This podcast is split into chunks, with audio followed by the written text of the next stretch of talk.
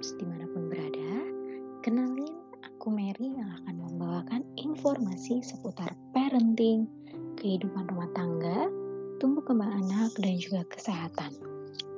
Tema kali ini kita akan membahas mengenai menjaga kewarasan ibu pasca melahirkan. Wah, pastinya sudah ada dong yang pernah mendengar istilah baby blues atau uh, istilah dari postpartum depression. Istilah ini biasanya terjadi pada ibu-ibu baru yang baru saja melahirkan.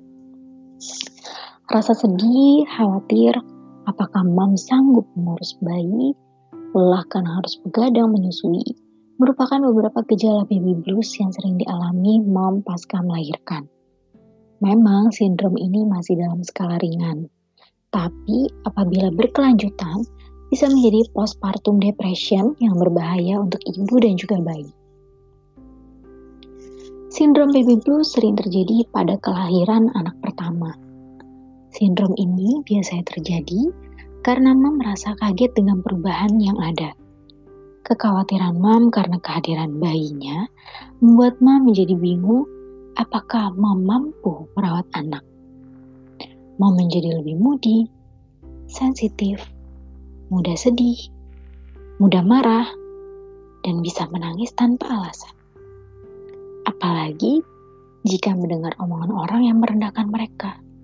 Wah, bisa-bisa hati mam akan makin minder. Untuk itu, dukungan orang terdekat sangatlah penting pasca melahirkan.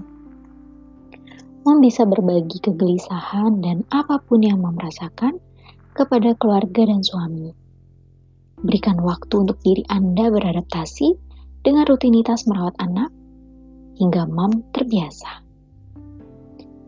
Nah, mom harus waspada ya jika sindrom baby blues ini berlanjut sekitar dua minggu lebih. Mom harus segera memeriksakan diri ke psikolog atau ke psikiater karena akan karena ada kemungkinan juga nih bisa menyebabkan postpartum depression. Jika hal itu bisa terjadi atau sampai terjadi, mam bisa merasa putus asa, tidak berharga, sehingga bonding dengan anak menjadi tidak ada. Jika semakin parah, bisa terjadi halusinasi yang dapat membahayakan bayi dan juga diri mom sendiri. Oke, okay, ini ada beberapa tips untuk moms biar tetap waras pasca melahirkan yang pertama itu me time. Mom harus memasukkan me time ke dalam skala prioritas. Kenapa sih? Mom, you need to make yourself happy. Ibu yang bahagia akan melahirkan anak-anak yang bahagia juga. Jadi, titip anakmu sebentar, jadwalkan untuk pergi ke salon untuk sekedar kerimbat atau pijat. Karena mom butuh reward untuk dirimu sendiri. Yang kedua, jangan gengsi minta bantuan. Tinggal sama mertua dan bingung setelah jadi ibu. Banyak banget kerjaannya. Mam, delegasikan kerjaanmu. Kalau memang gak sempat masak, ada kok solusinya. Bisa grab food, go food, pesan online. Mau mandi, anak gak bisa ditinggal. Mam, titip aja sebentar. Mam bisa tinggal mandi. Bisa minta bantuan suami untuk berbagi kerjaan. Jangan paksa dirimu untuk mengerjakan semuanya sendiri. Kamu berhak minta bantuan. Kalau suami gak mau bantu bantuin, ya marahin. Mam harus tegas. Yang ketiga, jauhi membaca tulisan atau cerita di sosmed yang penuh drama Mam, kadang kita suka baper baca cerita orang dan suka kita sangkut pautin sama hidup kita sendiri. Please stop it.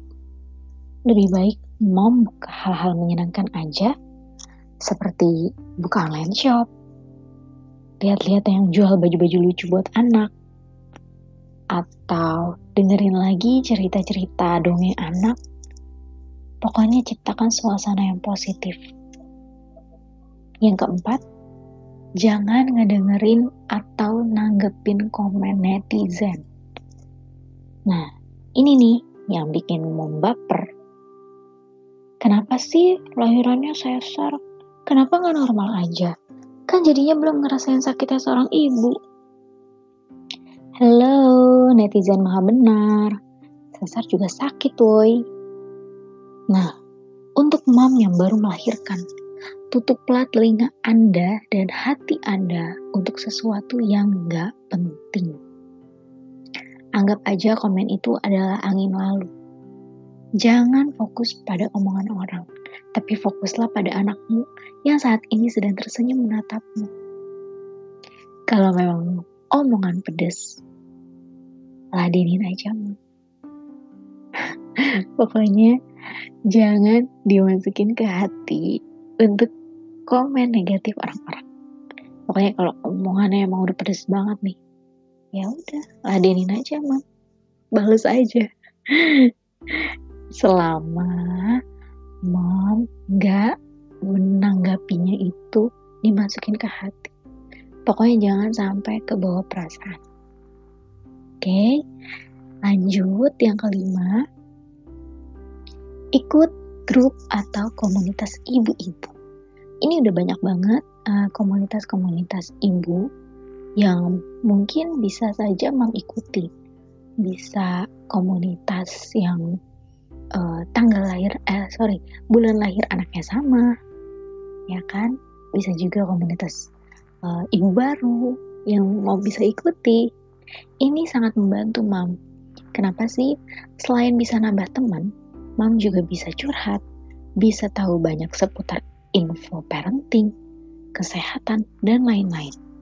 Pokoknya ini seru banget kalau sudah uh, bisa ikut komunitas ini.